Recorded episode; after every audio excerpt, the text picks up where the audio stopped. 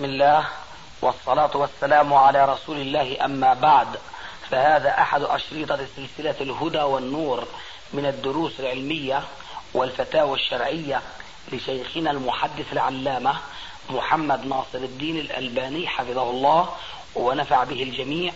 قام بتسجيلها والتأليف بينها محمد بن أحمد أبو ليلى الأثري. إخوة الإيمان والآن مع الشريط الخامس والخمسين بعد المائتين على واحد.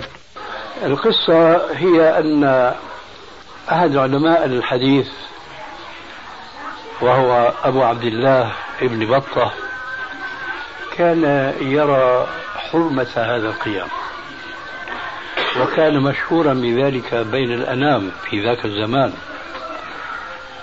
فخرج ذات يوم إلى السوق وفي صحبته صاحب له شاعر.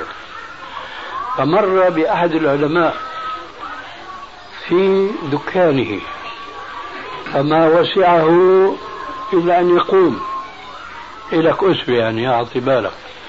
بس انتبه للجواب. وقال له وهو يعرف رأيه بيتين من الشعر. لا تلمني على القيام هذا لو كنت شاعر بيطلع بإيدك تقول هيك شعر كمان. لا تلمني على القيام فحقي. حين تبدو أن لا أمل القيام. أنت من أكرم البرية عندي ومن الحق أن أجل الكرامة ليش حتى ما قم لك هيعطيناك حجة يا عدنان ها؟ فقال العالم لصاحبه الشاعر ونحن نعرف من تراجم العلماء أنهم لا ينظمون الشعر ولا يحسنونه لكن صاحبه شاعر ومتفقه على يدي الشيخ فقال له أجبه عني. قال مخاطبا العالم القائم قائم أنت إن كنت لا عدمتك ترعى لي حقا وتظهر الإعظام.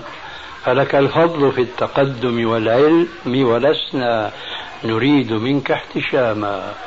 فاعفني الآن من قيامك هذا أولا فسأجزيك القيام القيامة وأنا كاره لذلك جدا إن فيه تملقا وأثاما لا تكلف أخاك أن يتلقاك بما يستحل به الحرام هذا مذهبه لا تكلف أخاك أن يتلقاك بما يستحل به الحرام.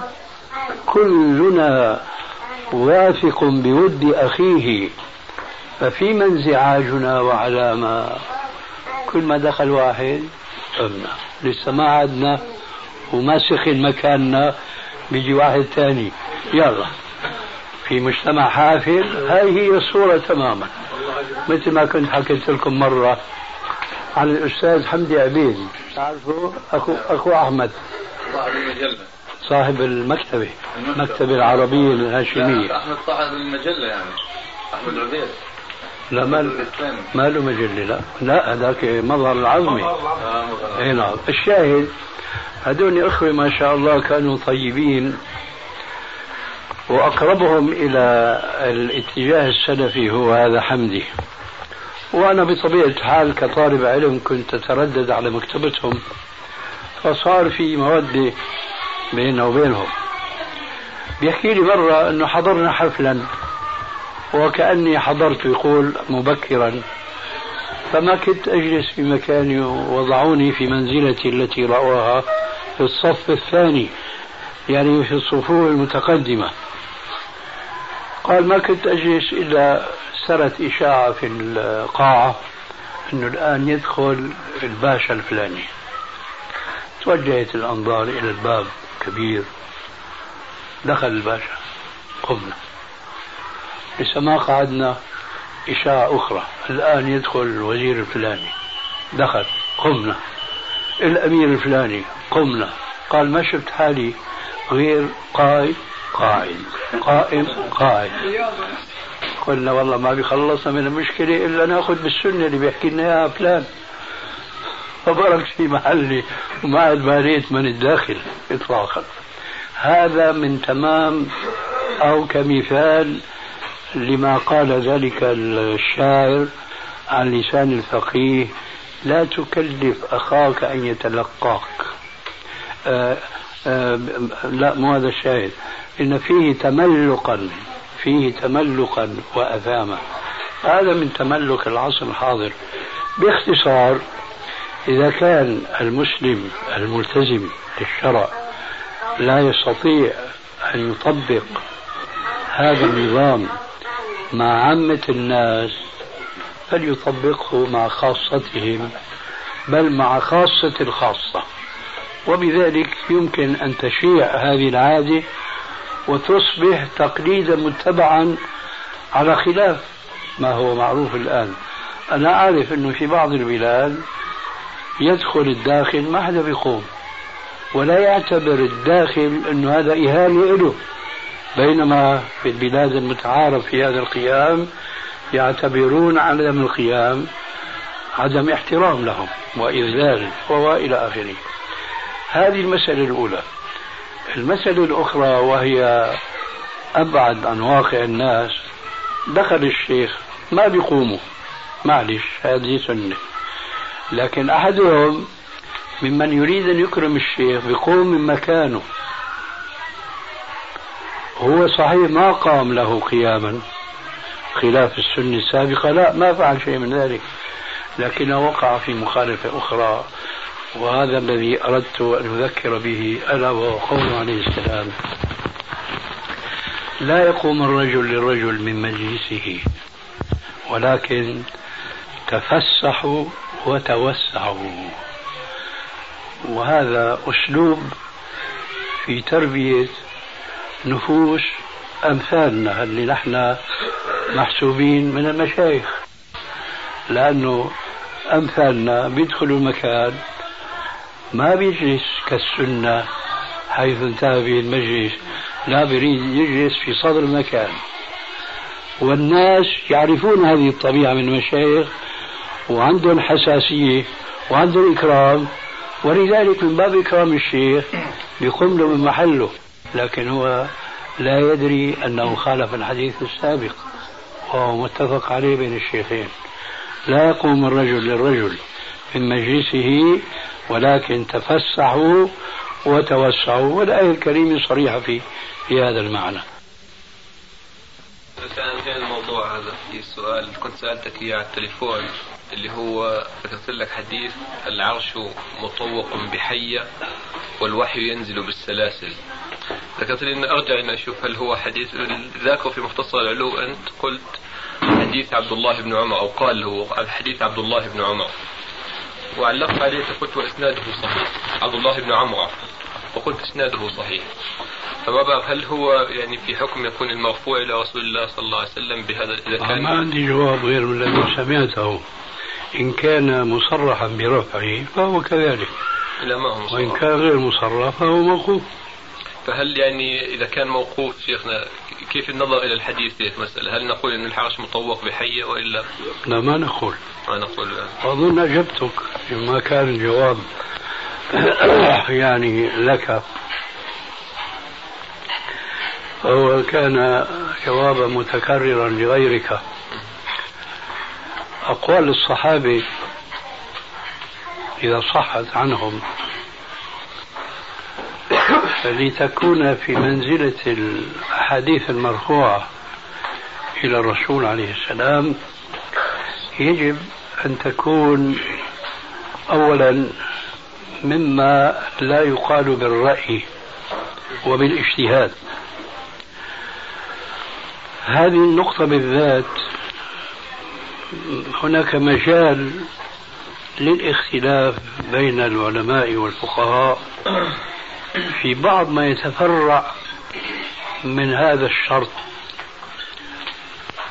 وهو أن أن يكون قول الصحابي أو الحديث الموقوف على الصحابي مما لا يقال بالرأي ممكن يصير في اختلاف. مثلا إذا جاء حديث ما فيه النهي عن شيء هل هذا في حكم المرفوع أم لا؟ فمن يظن أن النهي عن الشيء لا يمكن أن يكون بالاجتهاد يقول حكمه حكم المرفوع.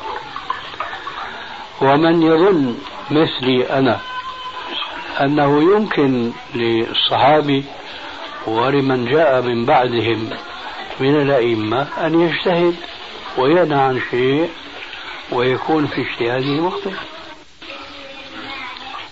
فيجب إذا أن يكون الحديث الموقوف على الصحابي الذي يراد أن نقول إنه في حكم المرفوع يجب أنه لا يحيط به أي شك في أنه في حكم المرفوع. ومتى يكون ذلك؟ حين لا مجال أن يقال بمجرد الرأي والاجتهاد. هذا الشرط الأول. والشرط الثاني أو قبل ما أقول الشرط الثاني الرأي الشرط الأول يعود في الحقيقة إلى أمر غيبي وهو من معانيه التحريم والتحليل. لكن هذا الأمر الغيبي ينقسم قسمين. قسم يتعلق بالشريعة الإسلامية وقسم يتعلق بما قبل الشريعة من الشرائع المنسوخة. فلكي يكون الحديث المرفوع الحديث الموقوف في حكم المرفوع ينبغي أن يكون متعلقا بالشريعة الإسلامية وليس متعلقا بما قبلها لماذا؟ هنا بيت القصيد لأنه يمكن أن يكون من الإسرائيليات والتاريخ الذي يتعلق بما قبل الرسول عليه السلام بأوسع معناه من بدء الخلق إلى ما قبل الرسول عليه السلام وبعثته هو من هذا القبيل. فإذا جاءنا حديث يتحدث عما في السماوات من عجائب مخلوقات وهو لا يمكن أن يقال جزما بالرأي والاجتهاد فيتبادر إلى الذهن إذا هذا في حكم مرفوع لكن لا ممكن أن يكون هذا من الإسرائيليات التي تلقاها هذا الصحابي من بعض الذين أسلموا من اليهود والنصارى. ولذلك فينبغي أن يكون في الحديث الموقوف والذي يراد أن نجعله في حكم المرفوع ما يوحي بأنه ليس له علاقة بالشرائع السابقة. فهذا الحديث عن عبد الله بن عمرو ممكن أن يكون من أمور الإسرائيلية التي تتحدث عما في السماء من العجائب ومن خلق الملائكة. لكن المثال الثاني الآن عكس ذاك تماما. يشعر الإنسان فورا أن هذا لا يمكن أن يكون من الإسرائيليات. فهو إذا موقوف في حكم المرفوع ولا مناص. ما هو؟ الحديث المعروف والمروي عن ابن عباس بالسند الصحيح. قال رضي الله عنه نزل القرآن إلى بيت العزة في السماء الدنيا جملة واحدة ثم نزل أنجما حسب الحوادث فهو إذا يتحدث عن القرآن وليس عن التوراة والإنجيل. فلو كان حديثه هذا الموقوف عن التوراة والإنجيل ورد الاحتمال السابق. فيقال لا نستطيع أن نقول هو في حكم المرفوع. لكن ما دام يتعلق بالقرآن وأحكام القرآن وكل ما يتعلق به لا يمكن أن يتحدث عنه بشيء غيبي إلا ويكون الراوي قد تلقاه من الرسول عليه السلام. لأن يكون القرآن نزل جملة.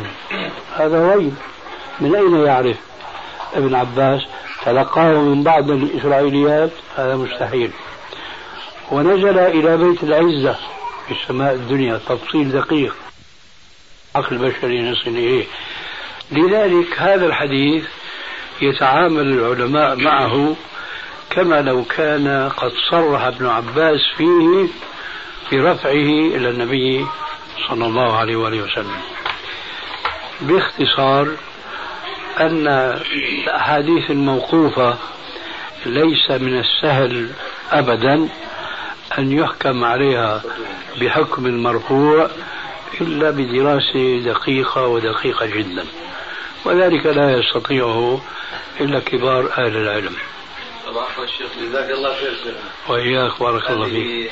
فائدة فريدة الله يبارك فيك. عليها بالنواجذ والأضراس والثنايا. جزاك الله خير. عفوا بالنسبة نعرف أن الصحابة أو السلف الصالح كان عندهم الورع الشديد في أن يقولوا شيئا في أمور تتعلق بصفات الله عز وجل أو بالعرش أو بغيره. فبالنسبة لابن عمر إلى عبد الله بن عمرو وهو من كبار الصحابة. هل من الممكن أنه أخذ من عن الإسرائيليات في هذا القول فيما يتعلق بالعرش أو بغيره من صفة الله عز وجل ما هو أشد أكثر الناس أكثر الأصحاب أخذا عن أهل الكتاب هو عبد الله بن عمر فمن أجل ذلك وقف عند هذا. آه، أكثرهم. أي نعم. ابن عمر. جزاك الله خير يا عاصم على طيب شيخ نسألك هذه أسئلة لطيفة. السؤال الثاني معلش تقبلها مني الوالد يثني على ولد السؤال الثاني عدة مرات كنت سألتك أنه بالنسبة لله عز وجل الأحاديث تشير بأن كلتا الحديث مع كلتا يدي ربي يمين. الأحاديث بتشير كلها أنه فقبض قبضة بيمينه أو وباليد الأخرى. أو أنه ضرب في كتف آدم ضرب بيمينه ثم ضرب في كتفه الأخرى وذكرت لي مرة أنه في أحاديث توضح أن لله يدا شمالا أو يسرا ما ما قلت لي فدفق ما أستذكر الحديث فهل الحديث وارد بصفة بذكر اليد اليسرى؟ أنت الآن قلت عبارة لعلي أنا ما فهمتها قلت أن كل الأحاديث تقول ماذا؟ أغلب الأحاديث اللي قراتها أغلب الأحاديث تقول ماذا؟ إنه ما توضح صوره إنه لفظ اليد اليسرى. يعني أغلب الأحاديث تذكر لله يدا هي يمنى. ولا أما ما تذكر إنه بلفظ اليسرى. طيب. هذه الأحاديث الأكثر كما تقول. الوصف باليمنى ماذا يعني؟ اليمنى. وإيش يقابلها؟ يسرى ما هي بالنسبة لله هل نقف عند شيخ ولا نقول يسرى لا نقول لأنه أنا الآن أبدأ بالجواب بهذه الطريقة. أن كلمة اليمنى فيها تنبيه أنه في هناك يسرى وهذا طبعا لا نقول نقف عنده لأن هذا قول بالرأي. ولا يجوز أن نقول مثل هذا الرأي فيما يتعلق بغيب الغيوب وهو الله وصفاته. لكننا نقول كأني سمعتك آنفا. أيضا أشرت إلى حديث وهي حديث القبض. قبض قبضة بيمينه. ولا أنا ما ذكرت شيء إيه هذا إيش؟ إيش هو؟ اللي قبض قبضة قال في الجنة ولا أبالي وفي, وفي يده وضرب بكتفه اليسرى وقال في النار ولا أبالي وضرب بالأخرى في كتفه الأيسر وقال إلى النار في النار ولا أبالي. طيب هي الأخرى. شو هي بقى؟ ما هذا اللي أنا بسال إنه هل ذكرت لي أنت مرة شيخنا. لا لا أنا جايك في البيان. الحديث يعني مخرج في الأحاديث الصحيحة. قبض قبضة بيمينه فقال هؤلاء إلى الجنة ولا أبالي. وقبض قبضة بشمالي فقال هؤلاء إلى النار ولا أبالي. شمالي. بعدين في حديث بيذكر اليمين واليسار الآن ماني متذكر لفظ الحديث ثم يعقب على ذلك بقوله عليه السلام وكلتا يدي ربي يمين. إذا فهذا أيضا يشير إلى حديث القبضتين في يمنى وفي يسرى وقول عليه السلام وكلتا يدي ربي يمين هو كالتفصيل فيما يتعلق بهذه الصفة الإلهية لقوله تعالى ليس كمثله شيء وهو السميع البصير فربنا له يدان مبسوطتان كما هو صريح القرآن وكما جاء في السنة يمين وشمال. ولكن تميز ربنا عز وجل بهذا الوصف النبوي الذي يمكن أن نقول إنه اقتباس من النص القرآني حين قال وكلتا يدي ربي يمين.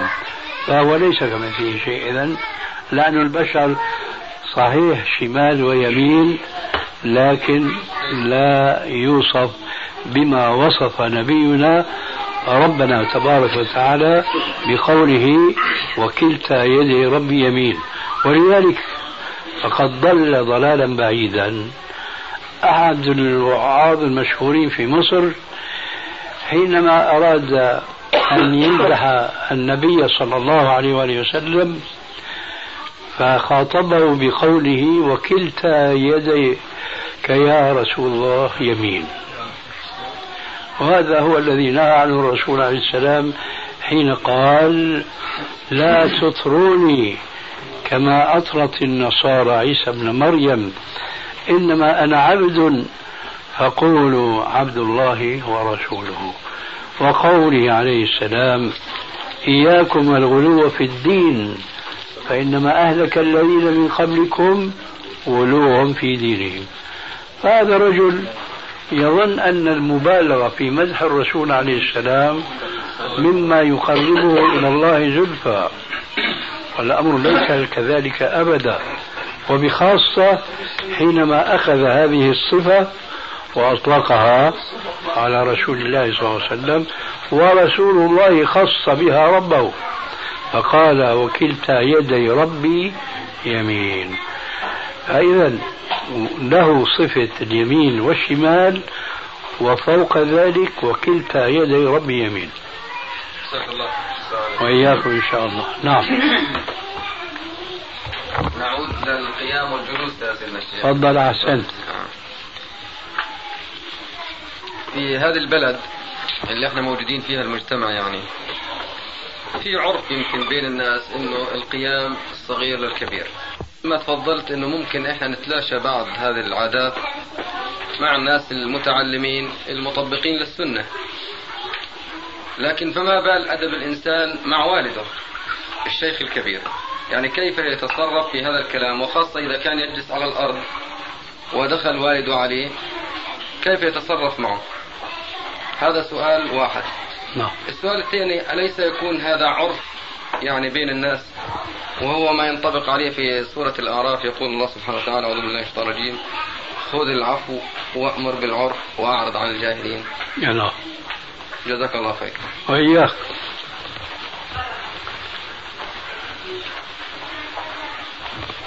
أما كيف يتصرف مع الذين لا يعرفون هذه السنة؟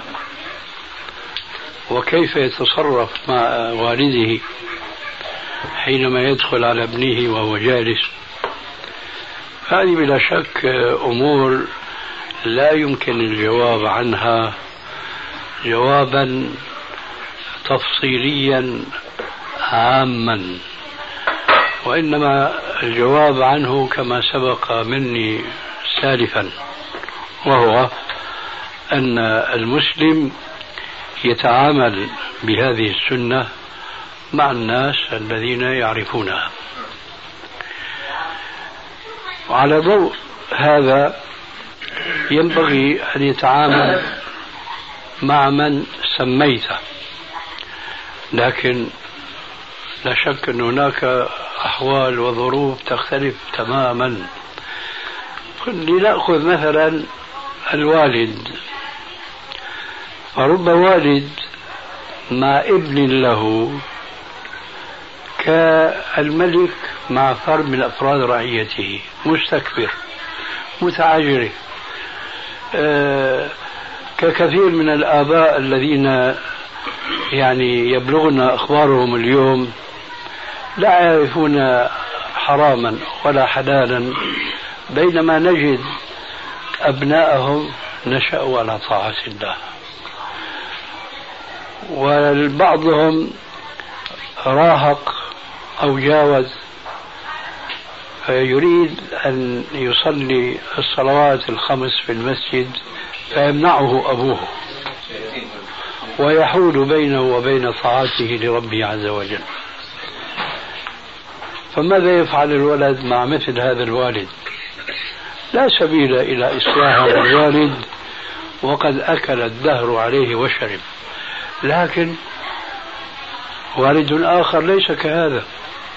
والد آخر يشعر بنعمة الله عليه أن رزقه غلاما صالحا وأنه يسعى في طلب العلم سعيا حثيثا فهو يتعلم من ابنه. ويعترف ويقول والله نحن قبل الزمان هذا ما كنا نعرف سنة وبدعة وواجب وفرض إلى آخره. كنا نعيش كما تعيش البهائم.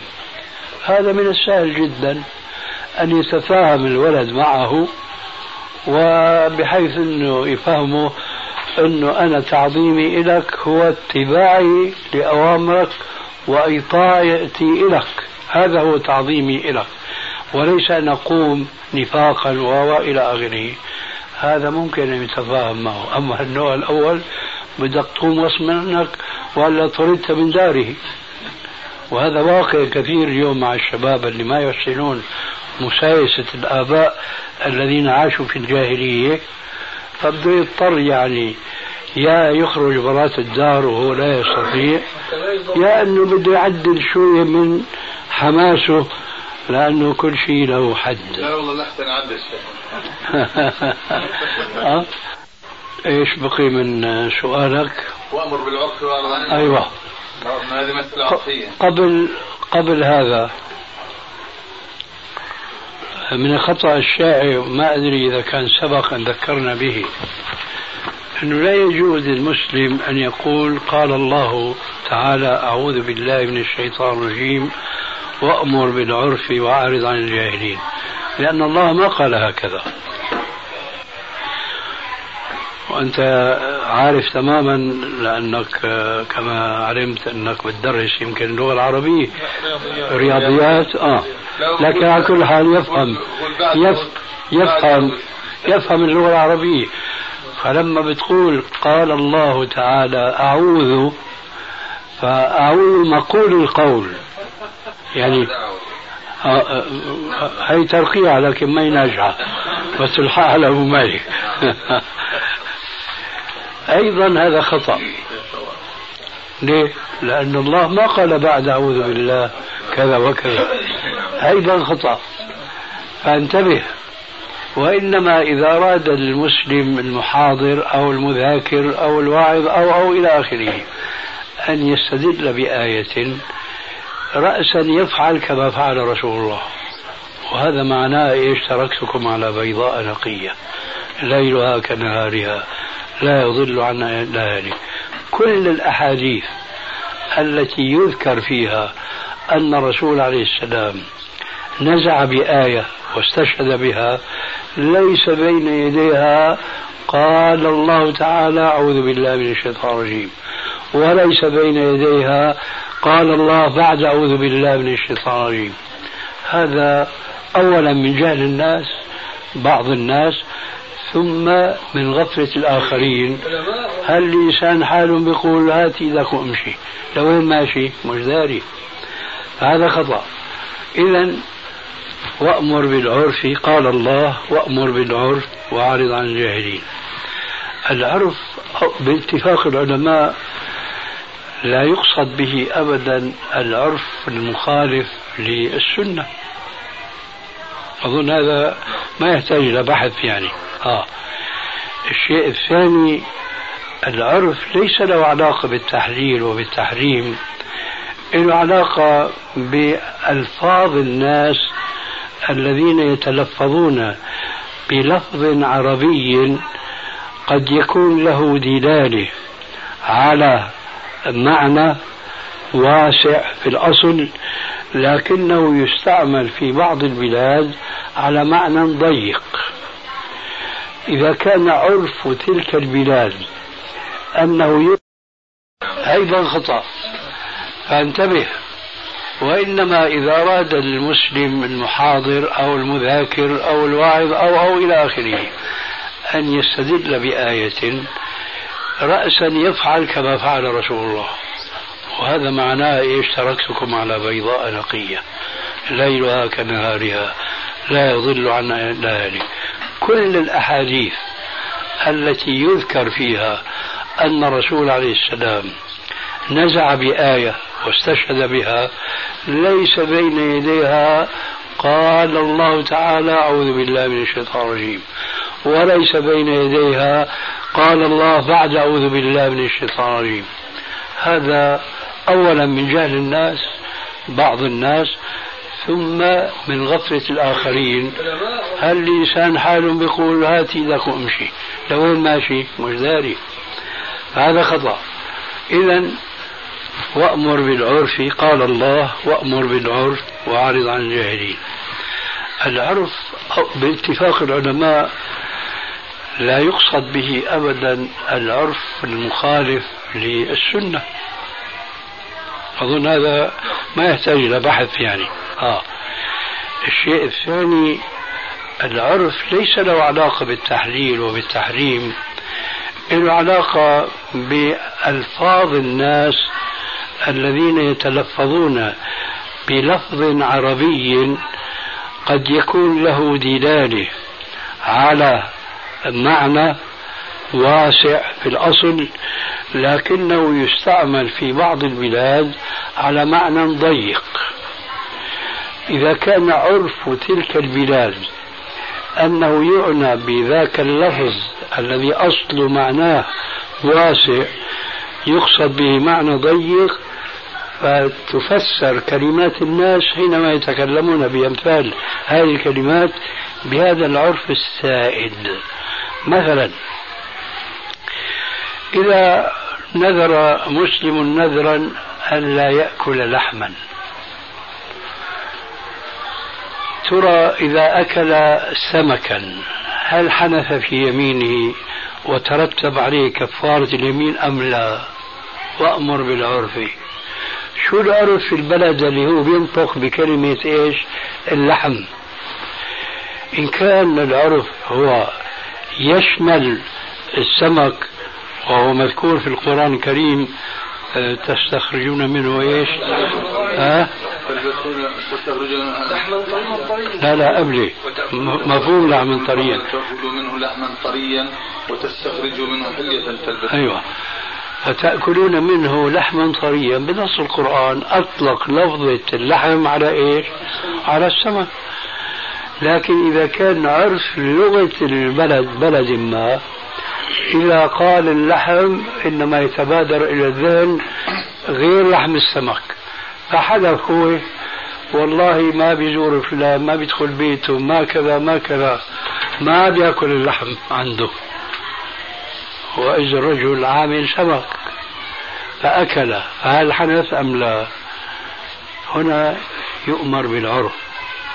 ولا يكلف أن يكفر لأنه البلد ما يعرف اللحم إلا على غير السمك وعلى العكس من ذلك إذا كنت في بلاد ساحلية ولا يعرفون هناك الضان إطلاقا ما يعرفون اللحم إلا أنه إيش؟ لحم السمك. فهو حلف أنه ما بيأكل اللحم. قام صحن له وأكل لحم ضاني. هل حنث؟ ما حنث لأنه اللحم في عرفهم لا يدخل فيه إلا لحم السمك وهكذا. فليس أيضا المقصود بالآية تغيير أحكام شرعية يا أخي وإنما حل مشاكل للناس إذا ما تكلموا بكلام أو تعاطوا بعض الأعمال وهذه الأعمال ليس لها حكم في الشرع. يخالف ما هو نطق به ولكن هناك عرف خاص بتوسيع المعنى أو بتضييقه. فإذا الاستدلال بهذه الآية فيما كنا نحن في صدده لا يجوز بوجه من الوجوه إطلاقا لأن هذا العرف إن سميناه يعني بالعادة والتقاليد اللي ماشية بين الناس بنقول لك نعم وليس هذا هو المقصود. لكن هذا مشروط فيه أن لا يخالف السنة. لا سيما وقد عرفت من بياني السابق بأن هذه السنة هجرها يترتب من ورائها مفاسد كثيرة مفاسد أخلاقية وما يعني قصة ذلك المعلم الذي كان يضرب التلميذ لعدم قيامه عنك ببعيد. وأظن بهذا يتم يتم الجواب. نعم. شيخنا أنا لأنه راجعت الآن. إيه جزاك الله خير. كلمة العرف شو لا تعني لا تعني؟ العرف ال- ال- الشائع في الناس. أيوه. وإنما العرف المعروف. عند الشرع يعني. أي نعم.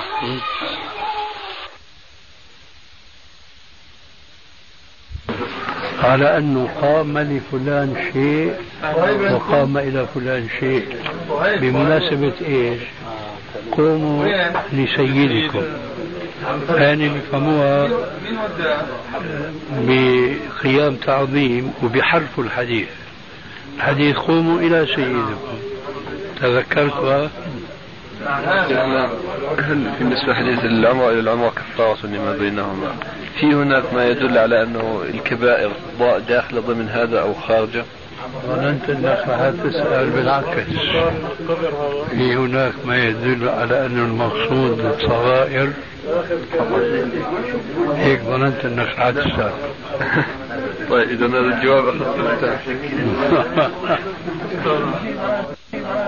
في مرة واحد طرح موضوع إنشاء مصنع اسمه مصنع مركزات أعلاف. مصنع مركزات أعلاف. أعلاف؟ أعناب هاي مادة الخام تاعتها هي عبارة عن جيف ودم يقوم بوضعها بأفران ومن ثم طحنها. فهو بيقول انه هاي المادة تستورد من أوروبا وتدخل في أعلاف الدواجن. فهو حكاها كما مشروع تجاري. يعني. ولكن الواحد لما شاف أنها تتعلق بجيف أهلا وسهلا شرفتم طيب عمي يلا وعليكم السلام. أهلا وعليكم السلام ورحمة الله. الدماء بدأ آه ما سمع شريعة نفس الشيء صناعة الصابون. في صناعة الصابون. بدخلوا مواد دهنية هي عبارة عن نخاع من الأبقار الميتة عظام البقر هي بتتحول لا تبقى على طبيعتها. فهل تحولها يفيد يجيز هذا ما كان جرى حديث بين وبين الوالد. عنه؟ آه. ما ما ذكرت ما سمعته. نعم. أنه كان يرى أنه لا يجوز. بعدين ذكرت له أن المسألة تحتاج إلى دراسة إن كانت الشحوم المحرمة بالخلط هذا تحتفظ بعينيتها فهي محرمة. وإن تحولت فتطهر بالتحول. قال لي أنا بدي أسأل مدير الجمارك تبع العقبة أظن أني. فسأله قال لي بتتحول. السؤال إنه إنشاء مصنع مصنع مركزات أعلاف. فمبدأ المصنع أو المركزات الأعلاف هي عبارة عن دم وجيف يقوم بوضعها بأفران ومعالجتها وبعدين طحنها وخلطها مع خامات علفيه أخرى. في السؤال ناحيتان. ناحية تتعلق بالذين سيأكلون هذه الدواجن المغذاة بهذا النوع من الغذاء؟ والناحية الأخرى تتعلق بهذا التاجر المغذي للدواجن بهذا الغذاء. أما الناحية الأولى فلا شيء في أن يأكل المسلم دجاجا غذي بعلف نجس أو محرم. وذلك لما هو معلوم عندنا في السنة أن الدجاج في عهد النبي صلى الله عليه وآله وسلم كان داشرا مخلل في العراء. ونعلم بالإضافة إلى ذلك أن العرب كانت كنوفهم غير منظمة وغير محصورة بل قد كانت كنوفهم في أول الأمر خارج الدور. ولذلك جاء في لغتهم استعمال أن فلانا خرج إلى الغائط. والغائط هو المكان المنخفض لأنهم كانوا يقصدونه لقضاء حاجتهم فيه كي لا تبدو عوراتهم. فسمي بعد ذلك ما يخرج من الإنسان من النجاسة باسم المكان ألا وهو الغائط. هذه كانت حياتهم من قبل. فكان الدجاج بالتالي فلتانا مخلا داشرا يأكل مما هب ودب مع ذلك كانوا يأكلون هذا الدجاج. وقد جاء في صحيح البخاري أن رجلا كان عند أبي موسى الأشعري لما وضع الطعام فيه دجاج. فلم يتقدم ذلك الرجل؟ وقال إنه منتن. قال قال أبو موسى لقد رأيت رسول الله صلى الله عليه وآله وسلم يأكله. نستفيد من هذا النص شيئين اثنين. الشيء الأول أن أبا موسى أقر الرجل على قوله إنه منتن. والشيء الثاني أن الرسول أكل هذا المنتن. والسر في ذلك أن النجاسة التي تؤكل عادة من بعض الحيوانات تتحول في المعدة إلى شيء آخر. وربما لا يتحول لكن الشارع الحكيم الرؤوف الرحيم لرفع الحرج عن المسلمين أباح لهم مثل هذا الحوين الدجاج. أقول الحوين لكي نشير إلى أنه لم يبح لهم أكل الحيوان من الشياه والأبقار والإبل التي كانت تأكل الجلة وهي داشرة فلتانة إلا بعد أن تمسك وتحبس أياما على الطعام النقي الطاهر حتى يتحول لحمها إلى لحم طيب.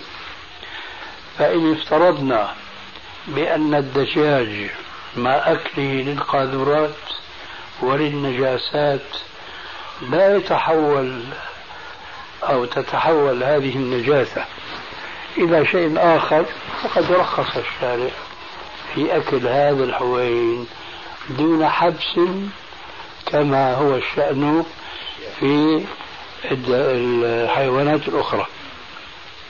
على ذلك نقول نحن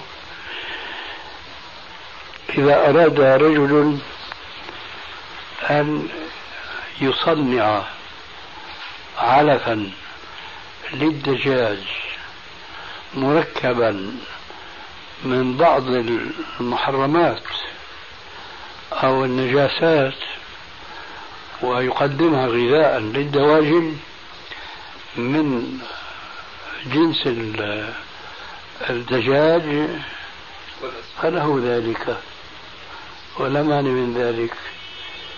اللهم إلا إذا كان آه، ما يضيفه إلى هذا العلف من الدماء التي جاء ذكرها في سؤالك يشتري هذا الدم شراء وقد صح في الحديث أن النبي صلى الله عليه وسلم نهى عن شراء الدم. ولا يجوز له والحالة هذه أن يشتري الدم شراء. فإذا تيسر له بطريق غير الشراء وأضافه إلى العلف كان عمله جائزا وعلى كل حال كان ذلك العلف لا يحرم على الناس أكل الدجاج. واضح الجواب؟ والحمد لله رب العالمين. هو هو لا كل سؤال له جواب. هي من عندك أنت؟ هي من عندك أنت؟ أي نعم. يلا سبحانك. طيب بس أشهد أن لا إله إلا الله. في اليوم أنا الظهر في المكتب كل يوم بأذن بس أسمع بقول الله أكبر بقوم بأذن وبصلي. بعدين قلت ليش تفوتني أنا هذا في الراديو أنا بسمع التليفون. الاذان أذان الظهر. بقول أنا ليش ما أنتظر؟ بتحدث نفسي حتى سبحان الله. إما وأنا في الصلاة ببلش بخلص أو بعد ما أخلص الصلاة. ليش ما أنا أكسب ثواب أردد ما يقول المؤذن؟ بعدين بقول هذا الراديو. واللي بنطبق على الراديو يمكن بنطبق على الأذان موحد فأفيدني أفادك الله فيما أفكر. ساعات بقول ليش ما أكسب وبعدين بقول لا هذا الراديو هذا مش أذان مش مش مؤذن أنا معاه ولا بسمع صوته.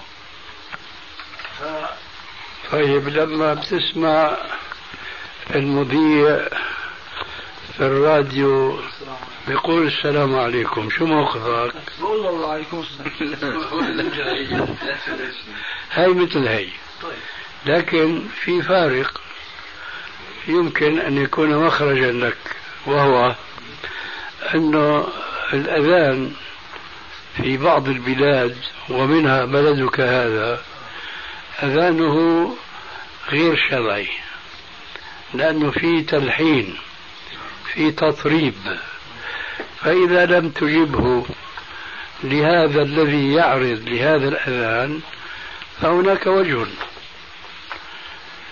أما إذا كان أذان شرعيا فلا وجه إلا أن تجيبه. حتى لو في الراديو ولا نحن نتكلم عن إيه؟ مو بدأنا بالسؤال أنه إذا سمعت المذيع في الراديو بيقول السلام عليكم. كان كلام المهم إنك بتقول بنجيبه. إذا تجيب هذا وتجيب هذا. إلا إذا قصدت عدم إجابة المؤذن هو إشعار بأن هذا الأذان يعني غير شرعي وهذا يكون بينك وبين الناس. أما إذا لم يكن أحد وكان الأمر بينك وبين ربك فتجيبه تجيبه لأنه في الحالة الأولى عدم الإجابة المقصود فيها تنبيه الآخرين أن هذا المؤذن ليس له حرمة. لكن لما كان أحد فتريد أنت تفهمه الفهم هذا. فبينك وبين ربك هو بيقول أشهد أن لا إله إلا الله أنت بتقول كذلك حتى ينتهي من الأذان ولا من تعبك على البوش أبو عدنان طيب لو كان إذاعة ثانية بلد ثانية يعني مثلا عم بسمع سوريا أو السعودية نفس وإيش فيها يا جماعة؟ هلا نحن ننقد الصوفية اللي بيبتدعوا في أذكارهم؟ آه، يأتوا بذكر كثير وغير مفهوم في كثير من الأحيان. طيب نحن عندنا ذكر كثير في القرآن.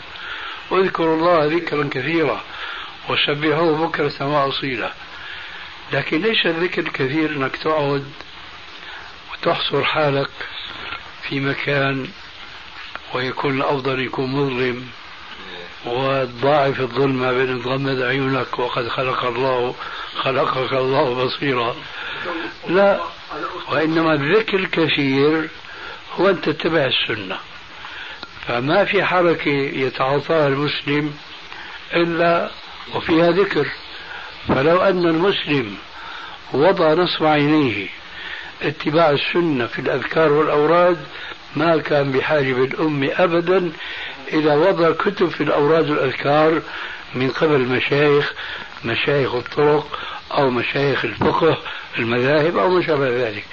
لكن جهل المسلمين أولا بالسنة وتهاونهم بتطبيقها ثانيا هو الذي يفسح المجال للمبتدعة أن يبتدعوا في دين الله ما شاءوا ليسدوا الفراغ الذي يشعر به المسلم أنه هو بحاجة أنه يذكر الله.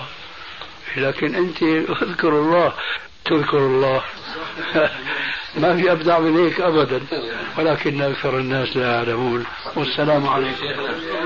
وكان في موضوع إذا ما إذا ما نبهنا إذا ما انتبهنا للأذان أو انشغلنا وبنهاية الأذان قلنا اللهم رب هذه الدعوة التامة صحيح هذا الفعل؟ سمعت الأذان لكن ما جاوبت. ما جاوبت. لكن هنا انتبهت. أه. صحيح. صحيح. السلام عليكم. عليكم السلام. إخوة الإيمان والآن مع جلسة أخرى. السلام عليكم ورحمة الله. وعليكم السلام.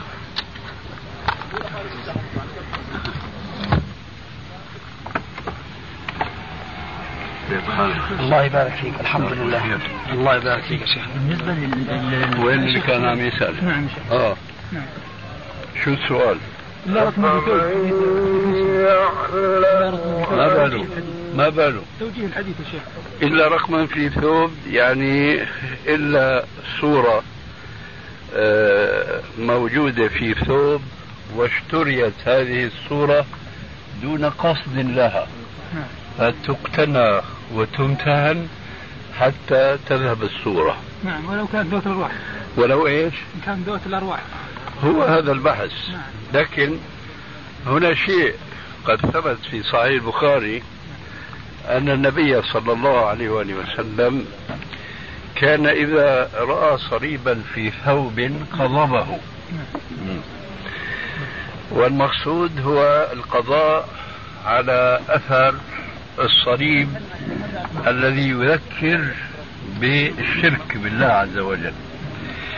كذلك أي صورة تكون في ثوب وكان بالإمكان تغيير هيئتها كما فعل الرسول عليه السلام يوم أخبره جبريل بعدم دخوله إلى الحجرة أن في الحجرة صورة معلقة في قرام فمر بالصورة فتغير حتى تصير كهيئة الشجرة. فإذا كان من الممكن تغيير الصورة الموجودة في الثوب لا. أيوة. إما يعني تغيير شكلا وإما تقطيعها إذا كان الثوب من الممكن تقطيعه. فحينئذ لابد من اتخاذ هذه الوسائل.